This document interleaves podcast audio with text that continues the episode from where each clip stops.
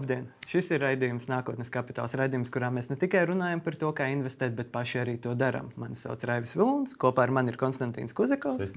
Un, protams, šodien mums pievienojas SEB bankas finanšu tirgus pārvaldes vadītājs Andris Lāriņš. Sveiki. Taču pirms mēs dosim Andrim vārdu, mēs ar Konstantīnu kādu pusstundu parunāsimies lepnā vientulībā par to, kā ir gājis mūsu portfeļiem. Un tad Konstantīns sāks ar robotu un tad sevi. Jā, jo katru mēnesi mēs saskatāmies par to, kā mums veicās. Un es gribu atgādināt mūsu skatītājiem par to, ka mums ļoti vienkārši trīs notikumi, kuru mēs sekojam. Mēs investējam aptuveni 50 eiro katru nedēļu. Mēs speciāli uh, investējam tikai aptuveni 20 dažādus aktīvus.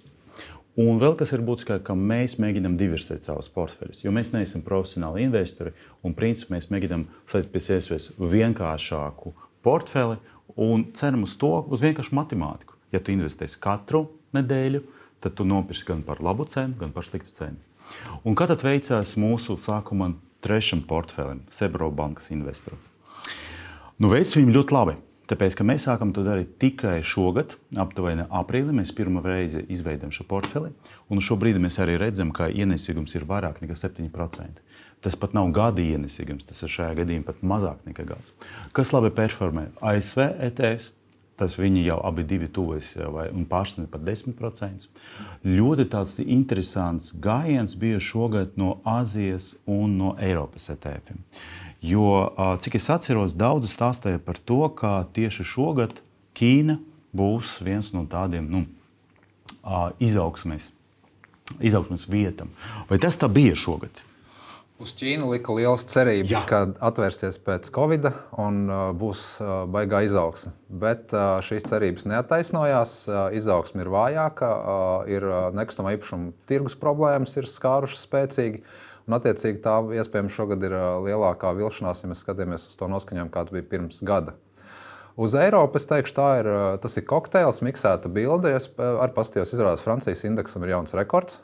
Kamēr citi indeksi atkal tur Vācija nu, tur, tur drusku mokās. Ja, tā kā, uh, tieši tāpēc šī divers, diversifikācija ir tāda atslēga, ka, mm -hmm. ja mēs būtu paļāvušies pirms gada, ka Ķīnai tur vēl ir Covid ierobežojumi, ka atvērsies vaļā, tūlīt viss būs. Uh, Tad, tad, tad, jā, tā kā mēs esam diversificējuši, un ASV ir daudz labāk, jo bija, bija analītiķis, kas prognozēja recesiju šogad ASV, ja, tad rādītāji ir labāki, līdz jā. ar to tirgus ir daudz labāks. Kā, nu, mēs... Mānis Melnais zirdziņš arī šogad vasarā pārsteidza man šķiet daudz, jo mēs gada, pagājušā gada beigās sākumā nemaz Japānu, man liekas, neminējām kā jā, vienu jā. no. Japāna izskatījās attraktīvi divu iemeslu dēļ. Pirmkārt, Nikkei indeks joprojām ir ļoti salīdzinoši tālu no sava 1989. gada rekorda. Un uh, Japānas jēna uh, diezgan uh, daudz bija zaudējusi savu vērtību, kas nozīmē, ja tirgus ir kritis un, un, un muļājās, un ja vēl valūta ir lēta, nu, kā tādu papildus investīciju rēķinoties, varbūt uz potenciālu izrāvienu, viņi, viņi, viņi labi nostrādāja. Tas arī bija redzams manus ETFs, jo vasaras periodā Japāna ļoti tuvojas ASV. Pēc tam tomēr ETF, kas no Japānas akcijiem sastādīts, samazinājās. Bet tiešām Eiropā man ļoti liels prieks. Bet vai nebūs tā, ka principā nākamgad mēs jau daudz arī rakstam par to, ka Eiropa ECB bankas likmes pat ne tikai nepārcels, bet iespējams jau sāk samazināt. Un vai nebūs tā, ka no tā visas Eiropas akcijas sāks iet uz augšu, un tas būs mūsu nākamā gada nu, tāds, tāds izaugsmes posms. Mēs jau kādā no iepriekšējām reizēm runājām, ka akciju tirgus skatās uz priekšu. Akciju tirgus jau ir ierēķinājis pat agresīvākie, ka martā raus uz leju ECB procentu likmes. Man liekas, analītiķis dažādi strīdās, tas būs marts, aprīlis vai vēlākais jūnijas. Akciju tirgus to ir ierēķinājis, un to mēs redzam tagad rudenī, novembrī, decembrī pēc inflācijas datiem, pēc darba tirgus datiem, ka ir Mm. sajūta, ka viss uh, likmes ne tikai ir sasniegušas grieztus, bet jau sliecās uh, uz pazemināšanu. Mm -hmm. Un uh, šonadēļ ASV Centrālās bankas sapulcē uh, tas veids uh, vadītāju aptauju, tad visi cilvēki, kas tur uh, lemj. Uh, viņi ir uh, ieprognozējuši, tā nav, tas nav tā, kā viņi darīs, bet viņi ir ieprognozējuši aptuveni 3% likuma pazeminājumu ASV nākamajā gadā. Akciju tirgus ir tā, nauda paliks potenciāli lētāka. Nu, neiešu jau gaidīt, kad ir labāk jāpērk nu, ir, tagad. tagad. Tā ir. Tā ir jo es arī paskatījos, ka pēdējā, pēdējās dienas gan ir ļoti liels SP 5 indeksa izaugsme, bet arī ir kritums manas akcijas. Bet kopumā runājot par Robu investoru portfeli, manuprāt, pietiekami laba investīcija šogad. Jo 7% tas ir labs procents. Un pagājušā mēnesī, kad mēs runājam, tad uh, tavs portfels vēl apsteidza, tāpēc ka tur ir bitkoins. Vai izdosies to izdarīt šogad? Tagad, pareizi sakot, to mēs uzzināsim, bet par savu portfeli varu pateikt, ka nu, nav tik radoši. Ja mēs paskatīsimies vispār uz SP 500, jo bija prognozēts šogad, ka iespējams, ka šīs gads būs kritums. Mēs par to jau runājam. Visi prognozi, ka ASV būs, būs kritums. Un, ja es nemaldos, tad bija prognozēts, ka zemākais posms būs kaut ko 3,6, augstākais būs 4,2. Mēs tagad sēžam decembrī 4,7. Kāds komentārs par to varētu būt? Mēs 2% no rekorda sēžam attālumā. Ja? Jā, kas, uh, ir, ir pāris lietas. Loģiski visi prognozēja grūtus laikus, jo uh, inflācija bija apēdusi daudz naudas pagājušajā gadā. Procentu likums uh, visi jau, jau pagājušā gadā gaidīja, ka procentu likums apēdīs šogad mm -hmm. daudz naudas. Uh, Un rezultātā parasti komplektā ar šiem rādītājiem notiek ekonomikas sašaurināšanās un bezdarba pieaugums. Jā. Un tā pozitīvā lieta, negaidīta pozitīvā, domāju, ir tā, ka bezdarba līmeņi īstenībā joprojām turās rekordzemiem līmeņiem. ASV pat uh, iepriekšējā mēnesī bezdarbs pazeminājās no 3,9 līdz 3,7%. Eiropā viņš turās ap 6, Latvijā virs 5% kas ir eh, tomēr tuvu rekordzemiem līmeņiem. Un, uh, tirgus parasti nu, tā, tā, tā kalkulācija ir tāda, ja ir ekonomikas sašaurināšanās, pieaug bezdarbs, un tiem cilvēkiem, mm. kuri zaudē darbu, ir, uh, kam ir kredīti, pieaug problēmas ar maksātspēju, pieaug uh, kredītu problēmas, un, kas nozīmē, ka visa ekonomika. Jā, jā. Un te, šis te leņķis caur bezdarbu, kurš nav pieaudzis, maksātspēja saglabājusies, un kamēr ir darbs, tu vari pārstruktūrēt savus maksājumus. Un tas nozīmē, ka ekonomikai iet daudz vieglāk nekā tirgus matemātiski rēķināja visas sekas, kurām būtu jābūt no likuma kāpuma. Par to arī mēs, manuprāt, stāstām, ka šo uh, gada sākuma ka tas ir ļoti interesanti. Krīze. It, tā ir krīze, bet vienlaicīgi tā nav. Tāpēc, ka... Andriņš Kalniņš, Dainis Gašpovics, kad bija pie mums, mēs arī daudz runājām par to, kā, kā ir tā situācija, ka darbinieki tomēr darbu nezaudē, ka drīzāk darba devējs piest nedaudz pacelt tās uh, atalgojumus un ka nu, uh, neveidoja, ka ir krīze, nav krīze faktiski. Jā. Krīze not, redzu, uh, mēs esam pieraduši runāt, ka kaut kas sašaurinās ekonomikā, bremzēs ir krīze, uh, recesija nav krīze. Krīze bija 9. gadā, 10. gadā. Tādu līmeni mēs neprognozējam un negaidām. Mēs gaidām ekonomikas bremzēšanos, un tas, kas nenotika pagājušajā gadā vai šogad, nu, kaut kur jau krājās tā matemātika, ieņēmuma kritums un, un izdevuma pieaugums. Tā kā kaut kāda bremzēšanās Eiropā joprojām tiek gaidīta. Bet runa par nākamo gadu. Es speciāli paskatījos ASV banku dažas prognozes. Prognozes ir, ka SP500 būs 4,2 tūkstoši minus 500 vai 5,2. Un arī bija pieminēts, ka mēs tūlīt, tūlīt sasniegsim to, to rekordlielu cipariņu. Un tad jautājums, tā starpība ir pietiekami liela, bet tad, ko sagaidīt? Vai būs tas krītums, vai nebūs tas krītums? Nu, tad es paņēmu tos divus analītiķus, vienu, kurš saka 4,3, un otru, kurš saka 5, un, un uh, paskatītos, uh, kāda ir viņa vēsture un izvēlēties, kuram no viņam ticēt. Uh, interesanti lieta, ka es arī blakus tā rakstā ieraudzīju, ka no 700 ar kaut ko prognozēm 500 vispār nekad neizpildījis. Tas nozīmē, ka tā ir tā varbūtība. Bet tas nozīmē, ka arī uh, kur ir garantija, ka arī Sebroba investors nekļūdīsies nākotnē. Jo tā ir jūsu banku industrija, kas veido šīs prognozes. Jā, bet tā nav prognoze. Sebroba investors ir, ir tas starpnieks starp naudu un tirgu. Mm -hmm. Kur ies tirgus, tur ies robo investora rezultāts. Nu jā, tā ir iespēja vienkārši investēt uh, vidējā tirgū. Tāpēc, kad arī tas ITF portfels sastāv no pieciem ITF, mēs redzam, ka viņi visi neuzvedās vienādi. Jā, vai, jā, vai, nu, līdzīgi dažreiz, bet ne vienādi. Līdz ar to Sebrobo investora rezultāts nākamgad beigās, ja mēs tiekamies, būs tāds, kā būs gājis tirgumā gribētu būt optimists. Kas saka, ir tas teiciens, krāj kā pesimists, investē kā optimists. Gribu būt mm -hmm. optimists un, turpin, un arī droši vien jūs turpināsiet regulāri investēt. Mm -hmm. Un, ja ne nākamajā gadā, tad visticamāk, vēlāk noteikti būs pozitīvs Faktiski, rezultāts. Nav būtiski, cik mēs tagad prognozēsim.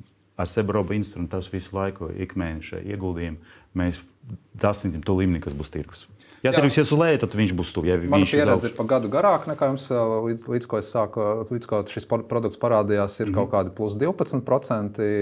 Ar visu to, ka pagājušā gada oktobrī bija gāziens, bet es uzskatu, ka ir pārāk liels optimisms ar šiem cipariem. Tas ir ļoti labs rādītājs tirgus nu, vidējā, ter, vidē, vidēji, protams, tur tiem septiņiem, pieciem līdz septiņiem kaut kur jābūt. Mm -hmm. Septiņi šādā īsā periodā vienkārši ir tā, ka sākāt investēt, tā, kad tirgus bija optimistisks, un redzam, arī SMP indeksam vasaras beigas un rudens sākums bija diezgan pesimistisks. Jā. Domāju, ka Reku vēl tomēr ceļu likmes, lai gan liekas, ir jau grūti, bet vēl ceļu likmes.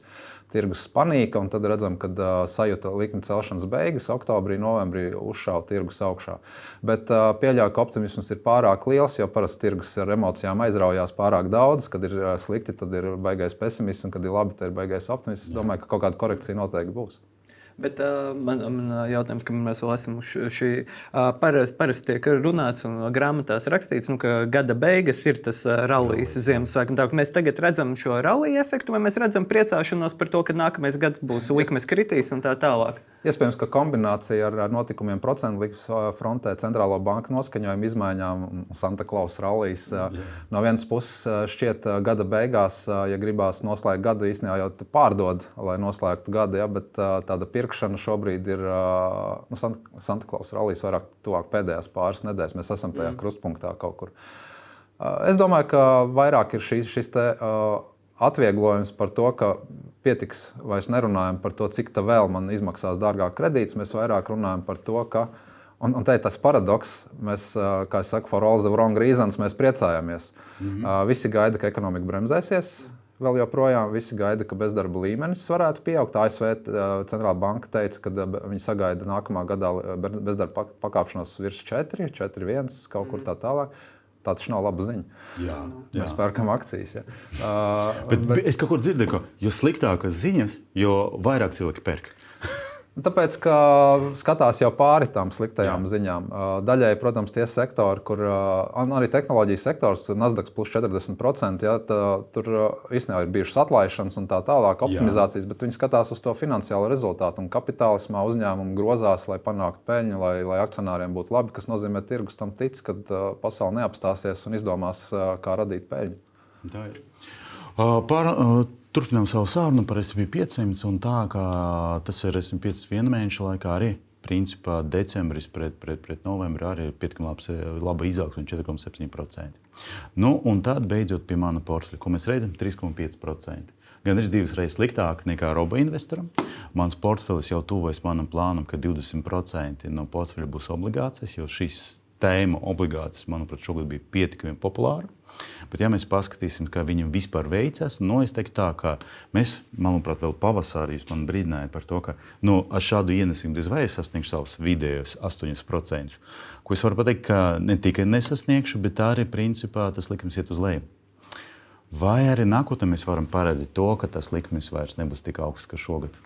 Ja mēs skatāmies uz, tātad, uzreiz par obligācijām, parasti klasiski runā obligācijas, krājuma obligācijas ir obligācijas, bet druskuļi savādāks dzīvnieks, kuram nav otrreizējā tirgus. Ja. Līdz ar to ja mēs nopērkam, pieņemsim, pirms pāris mēnešiem gadīga obligācija bija 4,1%. Ja mēs paņemam to obligāciju, tad šeit nekādu labumu mēs neizjūtam no tā, ka tirgus šobrīd ir aizgājis uz 3,6 vai 3,5%. Ja būtu klasiskā obligācija brīvi tirgota tirgu, otrreizējā tirgu varētu ar peļņu viņu pārdot, jo, piemēram, uzskatām, ka likums pietiekoši nokrit un tuvākā laikā dziļāk nekritīs vai arī mm. nekāps, tad mēs vienkārši nofiksējam peļņu un izējām ārā. Līdz ar to šajā obligācijas sadaļā nekādu lielāku ienesīgumu kā kuponu, ko maksā valsts, nevar cerēt un nevarēs. Un šīs likmes ļoti korelē ar to, kas notiek ar tirgus viedokli par likmi nākotnē. Ja tirgus gaida, ka centrālās bankas raus lejā likmes, tad skaidrs, ka kuponi iet uz leju. Mm -hmm. Mēs šobrīd pērkam to tirgus viedokli, kāds šobrīd ir par nākamo gadu. Un atgūt tur šobrīd arī es teikšu, tā 4% sagaidīt, ja vien nav kaut kāds ekstra inflācijas lēciens vai, vai riska pieaugums, jo mums valstī, valsts, mm. valstī tas procentu likme atkarīga no taksi tirgu, un Jā. tirgu likums iet uz leju. Un risks, ja, piemēram, un, ko mēs negribam redzēt, ir riska pieaugšana, ka valstī kaut kas ir baigi slikti, un tagad uh, neviens investors mums nedod naudu, mums jāceļ likums augšā. Ja. Nu, Vienmēr sakot, diez vai nākamgad es turpināšu ar Latvijas krājuma obligācijām, bet domāšu par obligācijām. Šis ir drošības pilvens. Tāpēc jau ir diversifikācija. Jā, bet pat ja akciju tirgus nogāzīsies, šeit ir cipari, kurus saņemšu garantēti. Vasaras vidū tas arī bija redzams tavā portfelī, ka tu um, turējies krietni virs manis uh, tieši tāpēc, ka tev bija šis stabilā. Es piekrītu, bet mēs tagad izskatās tā, ka mēs tagad nonāksim uz periodu, kad viss ies uz augšu. Jā, jā, jā. Protams, un tā ir laika jau pelnīt. Jā, protams. Pēc, pēc perioda parunāsim, vai bija uz augšu. nu, vismaz uh, 3,5% tas ir mans ienesīgums. Un ar robo investoru es pat nezinu, kas būs tev, bet robo investoru jau es jau zaudēju.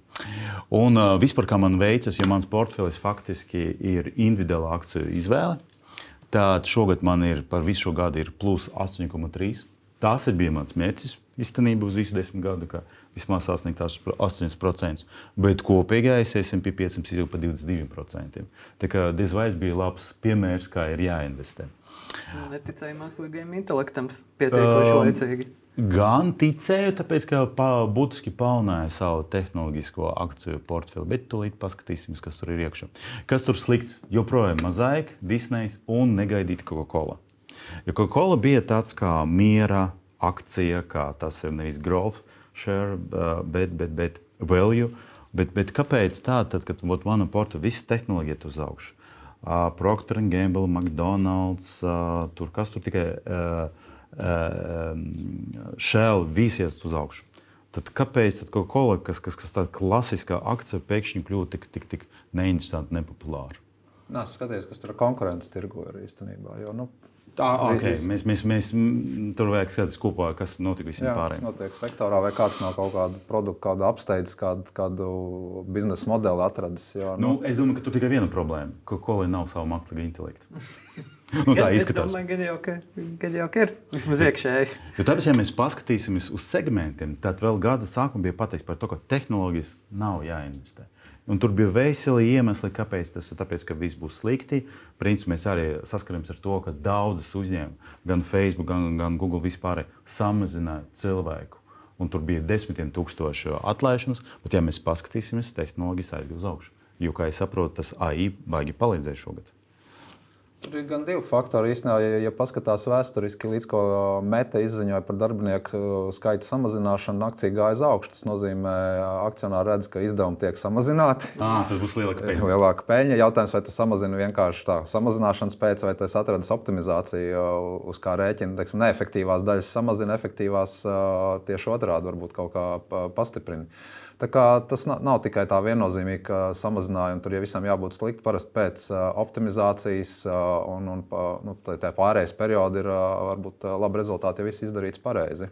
Facebook un Meta vispār bija interesants stāsts, jo viņam pagājušā gada beigās un tā vispār jau paredzēja nāvi bez maz vai tur bija The Economist, bija raksti, nu, ka ir izkritis no tā top tehnoloģiju, ka milzīgi atpaliek no Apple, Google, kuriem viņš iepriekš bija priekšā un tā tālāk. Bet arī šeit mūsu studijā ir bijuši vairāki investori, kuri teica, ka viņi nopirka Metu gada sākumā vai pagājušā gada beigās, un šogad portfelis ļoti skaisti izskatās. Kā, nu, Jā, pat, pat, nu, viņi, pat, nu, viņi ir, protams, saistīti ar mākslīgo intelektu, bet nu, nevar salīdzināt ar Nvidias iesaisti tajā visā. Tomēr tik un tā.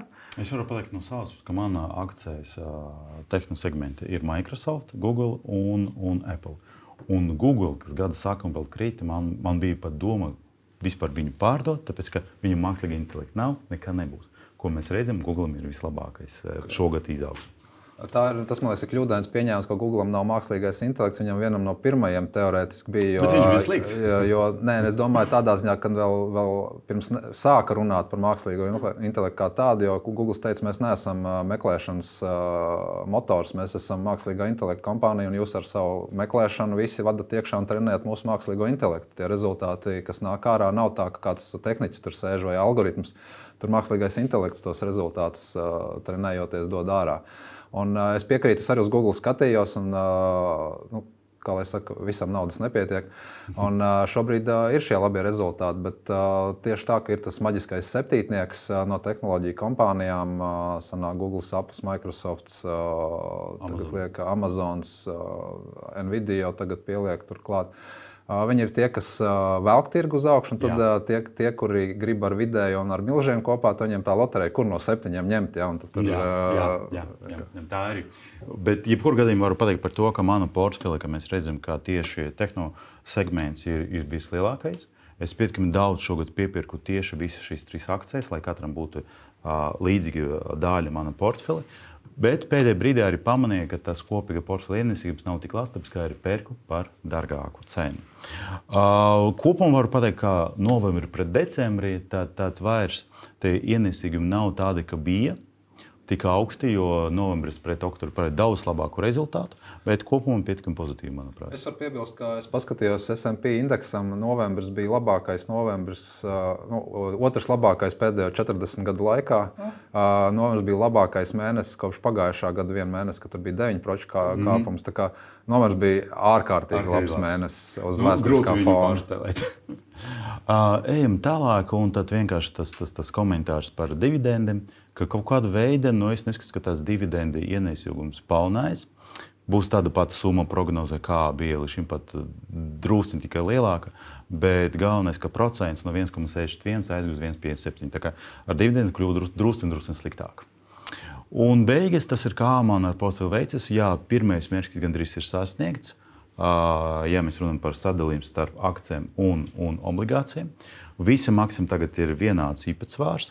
Tagad es domāju par to, ka, ja domājam par korporatīvām obligācijām, diemžēl saskaras ar to, ka par 50 eiro man grūti ko pirkt. Un vēl globāla problēma. Pat ja es varu atrast kaut kādu akciju, tad tā komisija par vienu akciju apēdīs visu, visu, visu, visu, visu ienesīgumu. Un tāpēc pievēršu uzmanību Mintus Fractional Bonds un paskatīt, kā tas viss darbosies.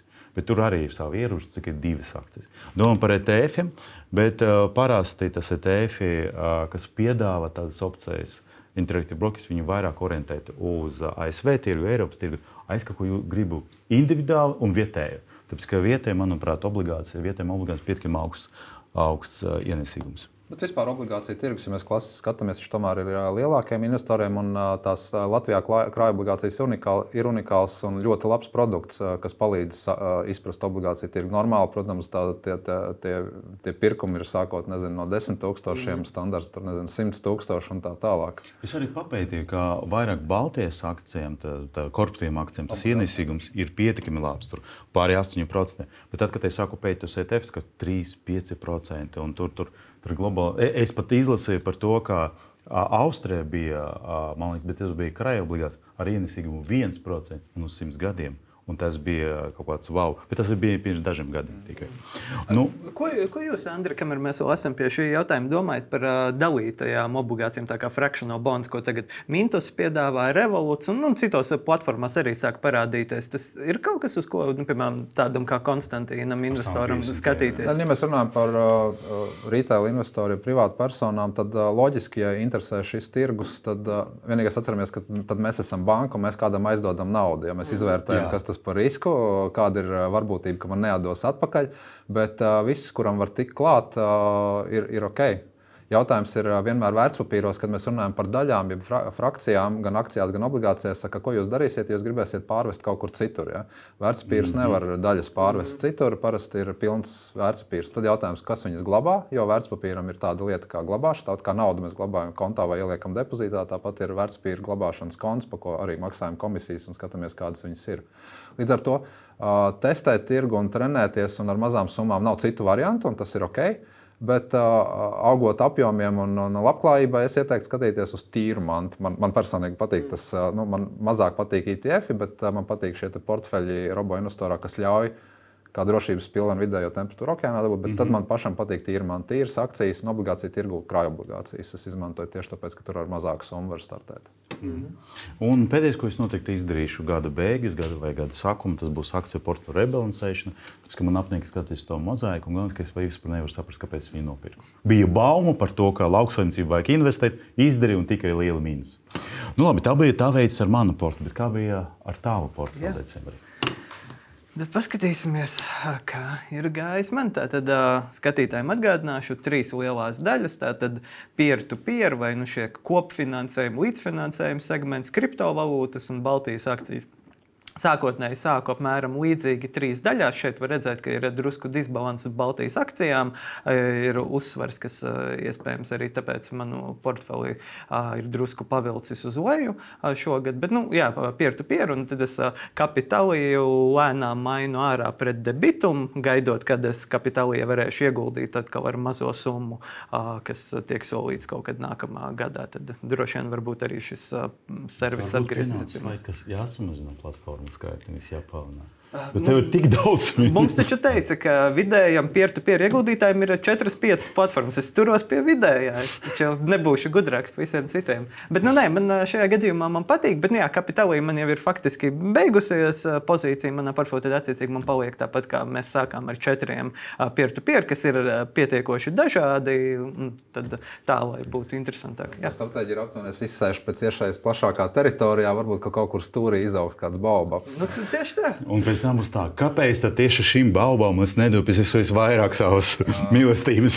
Jā. Bet, jā, nē, kopumā, kopumā nu, peer-to-peer tas segments, kā jau mēs esam runājuši, galvenokārt es teicu, guru dēļ man nav tas pats veiksmīgākais. Beigās arī parādīšu, tad, ka tur aizvien ir iesausi liela daļa manas naudas Vācijā. Bet, kā es esmu iepriekš teicis, Mintos Twino labi performē, kapitālī arī nebija problēmu. Un, tagad, nu, debitum vēl esmu tikai pirmās pāris nedēļas ieguldījis, tas nevaru izvērtēt. Bet, arī šķiet, ka no, viss strādā. Jā.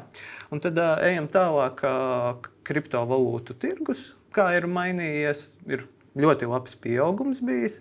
Uh, simtu, pār par 100% sākot no pagājušā mēneša. Un, uh, tas ir ļoti cienījami, ļoti labi. Manā portfelī nav tik labs pieaugums, jo es gada sākumā neieguldīju, es uh, izvēlējos, es, es atzīšos, es biju nedaudz skeptisks pret uh, kriptovalūtām tajā brīdī, kad uh, bitkoins maksāja ap 14, 16 tūkstošiem. Vajadzēja iepirkties vairāk, tad es uh, tagad būtu krietni priekšā robotam. Bet, nu, Izvēles nepareizi baumas. Nu, kā, kā Andris mums teica par kristāla bumbām un visu pārējo kādreiz. Kā, uh, tur, uh, nav. Bet, jā, jums, jūs, Andrija, pirms raidījuma teicāt, ka Coinbase akcijas ir uzrādījušas labāku rezultātu nekā kriptovalūtas. Pat. Es, es domāju, ka kripto pasaulē, kur es tā baigi rūpīgi nesakoju līdzi, bet kas ir karas izsējas plašā laukā, tur vairāk bija tie notikumi, kas saistīti ar biržas komisiju, ar uzraudzības lēmumiem un ar ties, tiesas gadījumiem, kur bija beidzās vismaz Ripple gadījumā pagaidām labi labvēlīgi kripto pasaulē. Līdz ar kaut kādas pozitīvas ziņas, tad, protams, un jāņem vērā pagājušā gada nogala FTX jautājums, kas ļoti iedragāja uzticamību un tirgu kopumā. Šogad bija pārsvarā pozitīvas ziņas, pozitīvi tirgus lēmumi, nebija nekādu tādu ekscesu. Un, attiecīgi, tirgus vienkārši atgūstās pēc, pēc, pēc šī krituma. Jā, jā, lai gan uh, interesanti, ka Binance gadījums, kur uh, ASV uzraugi piesprieda rekordu lielu soda naudu un uh, Binance dibinātājs atkāpās no vadītāja amata, tas tirgu faktiski neietekmē. Tā bija pozitīva ziņa. Tirgus tiek satīrīts, sakārtots, un jo viņš būs pārskatāmāks un regulētāks un uh, vienkārši šo investoru aizsargājošāks, jo tas ir uh, labāk visai šai videi. Uh, Par Coinbase bija jautājums. Es jau sen, sen man liekas, teicu to piemēru, un ir tāda 80. gada filma Trading Places, kur Edijs Mērfijs ar kolēģi tur cīnījās. Tad viņam skaidroja, kā strādā birža. Ja, kad vienalga klienti pelna vai zaudē, birža paņem komisiju. Yeah. Un es uz Coinbase tieši tā arī skatījos, jo no IPO bija virs 300 dolāriem, uzkāpa tuvu 400, nokrita pie 40 dolāriem. Cena ja, šobrīd ir 140, 150. Nu, uh, es skatījos uz viņu kā uz starpnieku, kurā es domāju, ja tas tirgus nenomirst, viņam vienkārši nu, viņš var zaudēt. Jā, pēc idejas, ja vien viņi paši savu naudu neiebāž kaut kādos dīvainos projektos. Un šobrīd vienkārši ir tas kaut kāds eifórijas brīdis, bet nu, es vienalga esmu piesardzīgs, jo uh, serveru, serveru sadedzinām un vērtība ir nulle. Ja? Kamēr eksistē serveris un dati staigā, tikmēr mēs varam tur spekulēt ar visu šo. Jā, jā, jā. Un, un, jā, tirgus kopumā vēl aizvien gaida, kad ASV atļaus tirgot šos bitkoinu ETF-us.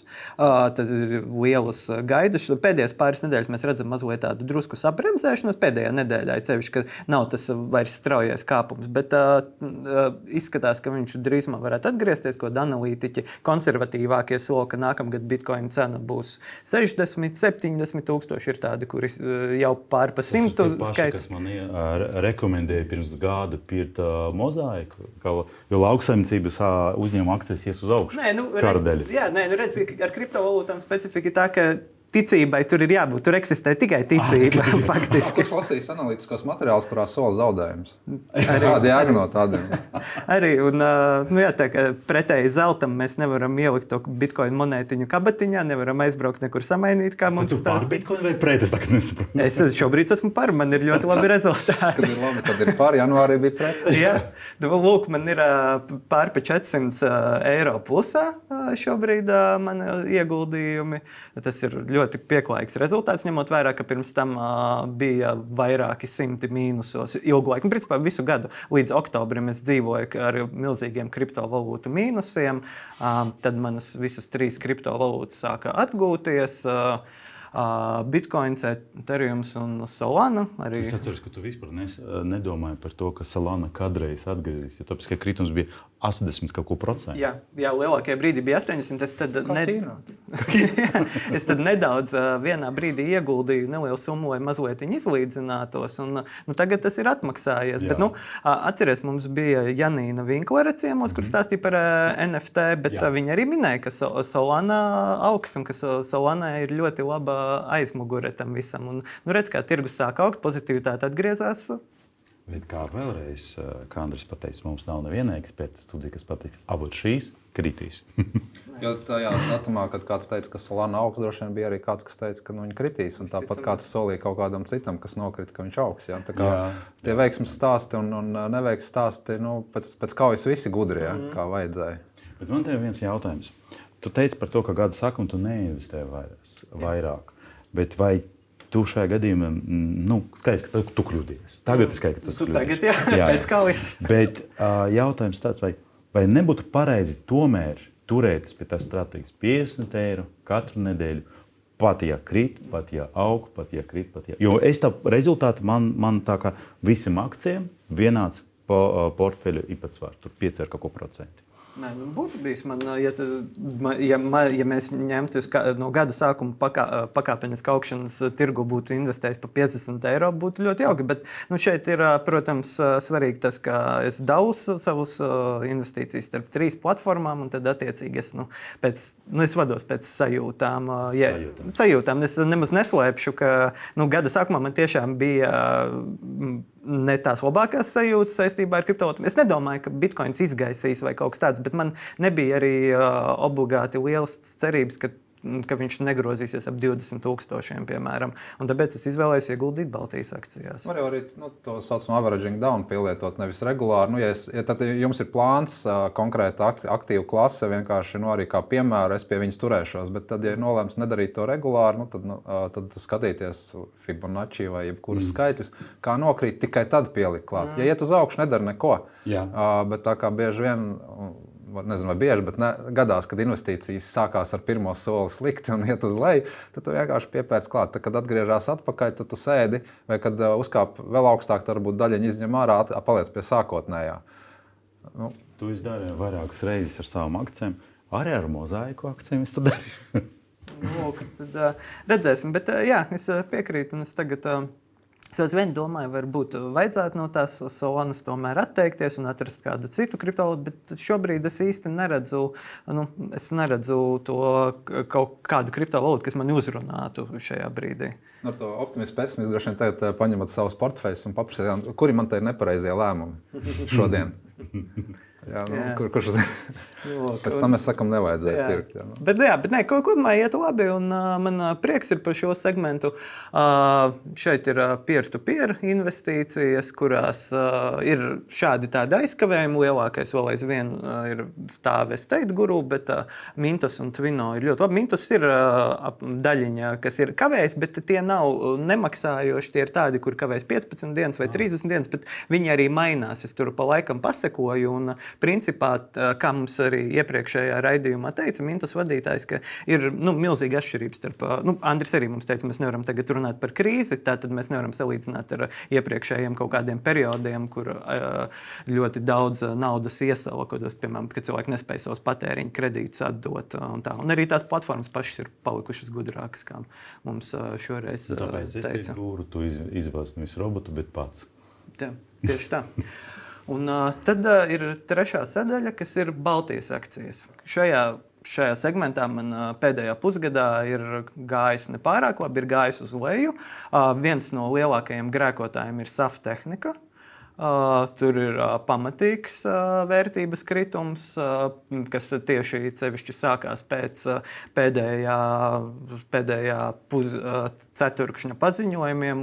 Arī investoru klubs kolēģis Kaspars Pēcinieks rakstīja par to, ka nerodas, jā, ka viss ir slikti, ka nerodas, slikti. Ka, ne, ka nerodas pārliecība par to, ka uzņēmumam ir plāni uz izaugsmi, ir plāni uz izdzīvošanu, un šķiet, ka arī nu, vietējie investori, kā mēs zinām, mums šeit ir mazi, Baltijā pārsvarā dominē mazie retail investori, tādi paši amatieri kā mēs, vai varbūt drusku profesionālāk, un tirgus uz to ir izteikti noreaģējis. Ka, uh, Uh, SAF tehnika rada liels zaudējums. Patīkami ir Novaturas, Tallink, Šauļu banka. Tallink jau ilgu laiku ir nedaudz augšā. Tur gan man tā ieguldījumi nav tik lieli, lai tas būtiski paceltu manu portfeli. Bet, nu, Ko? Man jautājums, Sandra. Mēs pamanījām, ka vienmēr Baltijas tirgus bija drusciņš labāks par SP 500, jo vismaz pirms diviem gadiem tas, tas ienieksums bija. Bet šeit kaut ko mēs redzam absolūti citu, jo es tikko rādīju par to, ka SP 500 indeks izauga par 20%. Nu, labi, tu šeit tev, tā ir tava izvēle ar tām akcijām, bet mēs arī šeit to miks. Baltics uh, benchmark fonds, tas ir ETF. Nu, nu, tas ir mans, jā, bet kopējais šī gada izaugsme, ko mēs arī iknedēļ publicējam mm -hmm. mūsu apskatos, ir ap 6 līdz 8%. Tas ir nekā SP 500. Ja jūs runājat par Baltiju, mm -hmm. skatāmies OMX Rīga, Viļņas vai Tallina, tur ir diezgan dažāda uzvedība šogad, ņemot vērā, ka Latvija vispār jā, ietekmē ļoti mazs uzņēmumu skaits. Un, ja jūs salīdzināt 500 SP uzņēmumus, kas ir vispirms jau jāiekļūst līdz līmenim tādam ar kapitalizāciju un Baltiju, tad, protams, tie ir divi dažādi. Un, un viens, vien, viena uzņēmuma veiksme vai neveiksme ietekmē ah. daudz vairāk šeit mm -hmm. nekā SP indeksā viens uzņēmums. Nu, protams, tur ir tie milži, kur ir pārņēmuši visu tendenci. Ja? Bet uh, tieši tāda pati situācija, ja kaut kas notiek ar uh, eh, SP lielākajiem uzņēmumiem, tas arī visu indeksu gremdē, bet vienkārši vidējā temperatūra tur ir vairāk atšķaidīta kā Baltijā. Mm -hmm. Bet runājot par nākamo gadu, vai mēs varam būt pozitīvi vai principā negatīvi par Baltijas akcijiem? Tas ir katra uzņēmuma īpašs. Kā jūs redzat, visi uzņēmumi neuzvedās vienādi. Teiksim, mūsu atkarība no Vācijas tirgus, no Skandināvijas tirgus, kur Vācijā recesija, Skandināvijā, Zviedrijā arī tā skaitā. Ja, tad, ja tas tirgus atkopjās un viss ir kārtībā, mūsu eksporta tirgus strādā, tad uh, viss ir labi. Jā. Savukārt, ja, ja tur turpinās kaut kāda vāja izaugsme vai muļāšanās, tad, tad, tad uh, arī šeit nevar cerēt, ka mēs apsteidzam uz kā rēķinu, uz iekšējā patēriņa rēķina tikai diez vai. Uh, Bet uh, es teiktu, ka uh, būs vidējā temperatūra. Bet tā atkal tagad ir jautājums, varbūt tieši tagad tev jāinvestē Baltijas akcijas, lai neatkārtotu. Es esmu to. pēdējās uh, nedēļās, ka, ka mēs arī rakstām mūsu iknedēļas apskatos, esmu pēdējās nedēļās uh, nedaudz ieguldījis dažādos uh, Baltijas uzņēmumus, kur ir uh, tieši negatīvi. Jo mm. uh, principā nu, pašā pamatā šie uzņēmumi ir diezgan stabili strādājoši. Uh, nu, mēs, protams, nezinām, kas mums uh, notiks reģionā. Ka, uh, dažādi, mēs neviens negaidījām karu, jā, mēs jā. arī negaidījām dažādi. Mēs nezinām, tā kā te, protams, arī, mēs arī protams, šeit izjutām inflāciju un procentu likmju kāpumu ļoti sāpīgi. Man liekas, ja paskatās kaut kādus pēdējos 10, 15 gadus, tad Baltijas indeks nav starp sliktākajiem, ir to blakus labākajiem nu, rādītājiem. Līdz ar to tas ir pēc viena ne, neskatīja rezultātu pēc viena gada investēšanā. Jā, jā, jā tieši tā. Es arī neplānoju ne, no vienas pozīcijas at, atteikties. Uh, jaunākā, protams, ir AFP Holdings, kur arī pēc IPO nokritās. Uh, tur uh, tevis bieži pieminētajam Warrenam Buffetam laikam ir taisnība, ka IPO ieguldīt uh, parastajam investoram pavisam nav vērts. Uh, ja es nemaldos, viņš lepojās ar to, ka kopš 50. gadiem nav pircis nevienu jā. IPO. Tā kā, bet, nu, protams, raidījuma vārds vārdā, ko tik neizdarījis, un patriotismu vārdā. Bez tam pie mums arī viesojas holdinga vadītājs. Bija pietiekoši interesants stāsts, cik tagad no publiskās informācijas zināms, viņi virzās uz priekšu saviem attīstības plāniem. Jo zaudējuma procents ļoti vienkārši var uzlabot. Ja, ja ir mīnus 20%, iegūt vēl tikpat, tad ir mīnus 10%. Jā, jā. Bet es domāju, ka e, e, es nedomāju, ka tas ir tikai patriotisms. Manuprāt, tas ir pietiekami nu, merkantils un loģisks solījums, tāpēc ka Baltijas, Latvijas tirgus ir vismazākais, Lietuvas un Igaunijas tirgus ir daudz lielāks. Tas nozīmē, ka ilgtermiņā tomēr tā nauda atnāks arī pie mums, un vairāk Latvijas uzņēmumu ies uz biržu, jo lielāks šis tirgus izaugs. Un vairāk būs uzņēmumu, arī vispārēji Latvijas uzņēmumi, kas ir bieži arī viņu vērtību izaugsme. Nu, ir svarīgi arī, kā valdība uzvedīsies, jo nu, mēs runājam gadiem par uh, kapitāla tirgus attīstību, un mums ir daudz lielu valsts īpašumu eso, esošu uzņēmumu, kur varētu bieži atnākt, kur cilvēkiem būtu interesi piedalīties šo uzņēmumu izaugsmē. Jo ir diezgan bēdīgi skatīties, man liekas, šodien sociālos tīklos redzēju bildi, kur bija kapitalizācija salikta top uzņēmums starp 80%, tur Latvija neparādās, 80% kapitalizācijas Lietuva, Igaunija. Mm -hmm. Mums ir uh, ļoti, ļoti salīdzinoši maz. Un, uh, nu, finanšu ministrija šo mēģina kustināt. Uh, ministrs vēl nesen teica, ka, ka notiek, ka mēģinam. Air Baltics runā par to, bet nu, daudz eksperti ir teikuši, ka viņi nav droši arī Andrejs Martīnos, kas viesojas pie mums. Viņš teica, ka nu, viņam nav sajūta, ka šim uzņēmumam nākamā gadā būtu reāls iespējas. Andri, kā jūs skatāties uz Baltica? Es ne, negribu komentēt atsevišķu uzņēmumu. Vienkārši gribētu teikt, tā, ka tas, tas arī varbūt reizēm ir tā, nu, ka, ja vienam investoram nav sajūta, citam varbūt ir sajūta. Jā. Ir, ir jānāk racionāli, protams, jānāk nevajag arī uz dūlos skriet. Līdz ar to nevajag nogalināt vēlmi pat tiem, kam, kam ir vēlme. Jā, nē, mēs, jā, nē, nē es atsaucos komentāru. Ja, es nekom, ne, jo vairāk uzņēmumu būs, jo labāk un klientiem būs izvēle. Protams, svarīgi, lai šie uzņēmumi ir strādājoši uz nākotni vērsti un pelnoši. Ja, jo nu, nevienam nav vajadzīgi bankrota biržā. Ja. Līdz ar to es teikšu, jā, valdība. Nu, dara ministrija, dara visi, dara vairākus gadus, kur ir rezultāts. Ja, līdz ar to ir izstrādāts, izskatīts, izpētīts, sakalkulēts. Viss ir tikai darīšanas lieta palikusi pēc mm. idejas. Ja, mm. cerēsim. Kādā veidā, Politiska cik daudz vēlme kā... palaist tālāk. Jā, lūk. Un tad, protams, ir šie bija novembra rezultāti, kur Robo investors bija priekšā, es biju otrajā vietā, Konstantīns trešajā. Un kā tad ir tagad?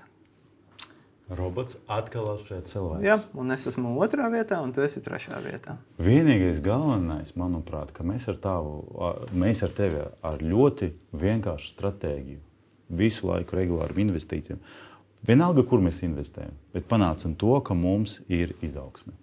Nu, tas ir pozitīvi, ņemot vērā, ka visu lielu, lielu gadu daļu mēs dzīvojam mīnusos. Tā kā vismaz kāds priecājas. Nu, iespējams, ka mums vienkārši, jo es investēju divas ar pusgāzes, tu investēji attiecīgi divas gāzes, tas vienkārši ir kaut kas tāds kritiskais periods, pēc kura mēs beidzot ieraudzīsim uh, zaļus ciprus, nevis sarkanus ciprus. Stiprā vējā tīta lido. uh, nu, ņemot vērā to, kas tirgu notiek pēdējos divus mēnešus, uh, es kā cilvēks ar 14 gadu pieredzi varu teikt, ka būs vēl gan plusi, gan mīnusi. Un, uh, no, gribētos novēlēt, lai beigās ir trekni plusi. Ja. Bet runājot par nākamo gadu, kā jums liekas, ko mums jāsaka? Vai ir kādi atslēgu vārdi, ko mēs varam skatīties? Jā, es tikai sociālajos tīklos redzēju, kādi ir tie atslēgas. Es, es, es sociālajos tīklos redzēju, ka jūs par Indiju runājat runājāt. Jā, jā. Tā, tā, tā, tā interesanti. tā, es, es kā tāds uh, maziņš cilvēciņš uz lielās zemeslodes starp 8 miljardiem cilvēku lasu to, ko kāds ir sacerējis. Līdz ar to, ja mēs skatāmies, kāpēc Indijā, starp citu, šogad uh, uz vakardienas skatoties, ir jauna rekorda bija Dow Jones indeksam, Francijas indeksam un Indijas indeksam. Kas nozīmē, ka Indija jau ir palaista garām, viņiem jau ir akla rekords. Ja, bet uh, kopumā pēc tirgus bija ziņa, ka Indijas tirgus pēc kapitalizācijas apsteidz Hongkongu, ja, tur kaut kādā mm -hmm. septītā laikam vietā. Kas nozīmē, ka Indija, nu, tur arī ko atrast Indijā. Tad, tad es varu joprojām uzskatīt, ka arī Ķīna, nu, kā, kas zem krīt, tas varbūt atkopsies un augsts kāps, bet tad ir jautājums, kurš, kurš uzņēmums tajā sektorā. Galvenais atslēgas vārds, uz ko es skatītos, ir darba tirgus. Jo tie uzņēmumi, tie milži, kas uz iedzīvotājiem dzīvo un pelna, ja kamēr ir maksātāji, tikmēr viņiem ies labi, viņi, viņi attīstīsies. Ja darba tirgu pasliktinās situācija, tad ir nu, kaut kā piesardzīgi jāpiebremzē un jāapskatās, vai jā, nav jāpietaupa nauda kaut, kādā, kaut kādam kritumam. Un es zinu, ka pagājušā gada decembrī bija ļoti pesimistisks. Sarkanas zeķis, tirgu sarkana krāsa nozīmē, ka gāzīsies. Es uzskatu, ka uz, uzšāva pēdējā laikā kaut kā bišķi paaugstu, kaut kādai korekcijai jābūt. Mm. Bet neviens nesaskata, kas būs tas slēdzis, kas varētu sagraut šo optimismu. Mm -hmm. Nu, viens no slēdzeniem ir centrālās bankas rausa lejā likums, ko visi gaida, bet rausa ne jau prieka pēc, rausa problēmu dēļ, ja tā domā. Ja? Tad tas nozīmē, ka kaut kādā brīdī tam problēmām būtu jā, jā, jā, jāparādās. Bet es, es uh, mēreni optimistiski gribētu būt, neko pārdot. Es nesteigtos, neko nopirkt arī nevaru, jo, kā, kā, kā teica viens gudrs cilvēks, ja mēneša beigās nepaliek pāri naudas, paliek pāri naudas, tad nepietiekoši investē. Tā kā man nepaliek pāri, tas pār, pārinvestējies. Uh, jāskatās, ir. Uh, kuri sektori. Tās pašas tehnoloģijas, mākslīgais intelekts nav pazudis, vēl nav izgāzies. Protams, eifora ir noplakusi, Jā. ir realitātes čeks, bišķīt, kad viss visam nestrādāja. Bet varbūt kā tāpat kā ar internetu burbuli 2000. gadā visiem bija eifórija, ka internets atrisinās visu, tad bija paģiras. Un tad sapratu, ka internets tiešām daudz ko izdara. Tāpat Jā. ar mākslīgo intelektu, visi kopiloti, asistenti un viss pārējais vēl, vēl ir jāmācās, kā viņus efektīvi izmantot. Nu, skaidrs. Okay. Super. Viens secinājums ir jāturpina investēt. Ir jāturpina investēt. Mums ir vēl cik septiņi gadi priekšā. Cik mēs jau ar plusiem. Tikai? Nu, nu, mēs vismaz mēģinām šeit desmit gadus vadīt šo raidījumu. Jā, jā nē, nu, tad Konstantīns sāka sanākt pirms uh, trīs gadiem rudenī. Jā. Es pievienojos drusku vēlāk, un tad mums vēl ir septiņi gadi priekšā. Uh, cerams, ka būs labi rezultāti. Un, uh, tad ar to es arī teikšu paldies Andrim Lāriņam. Uh, varbūt tiksimies pēc gada, varbūt ātrāk. Uh, paldies par to, ka ieskicējāt kas notiek tirgu. Paldies Konstantīnam par uh, gan robo investoru, gan savu portfeļu atrādīšanu. Un skatītājiem es atgādināšu, ka jūs varat skatīties uh, mūsu YouTube, Delphi, Nākotnes kapitāls LV. Jūs varat atrast mūsu Spotify un Apple podkāstu vietnēs. Un uh, arī nāciet lasiet Nākotnes kapitāls LV, kur mēs rakstām par to, kas notiek tirgos. Mēs ar Konstantīnu atskaitāmies, kā iet mūsu portfeļiem, aprakstam interesantās lietas, kas notiek tirgos, lai mēs visi kopā varētu būt veiksmīgi veiksmīgāki investori. Priecīgus visiem svētkus un atgriežamies jau janvārā. Mm. Paldies! Visu labu! Paldies! Visu labu.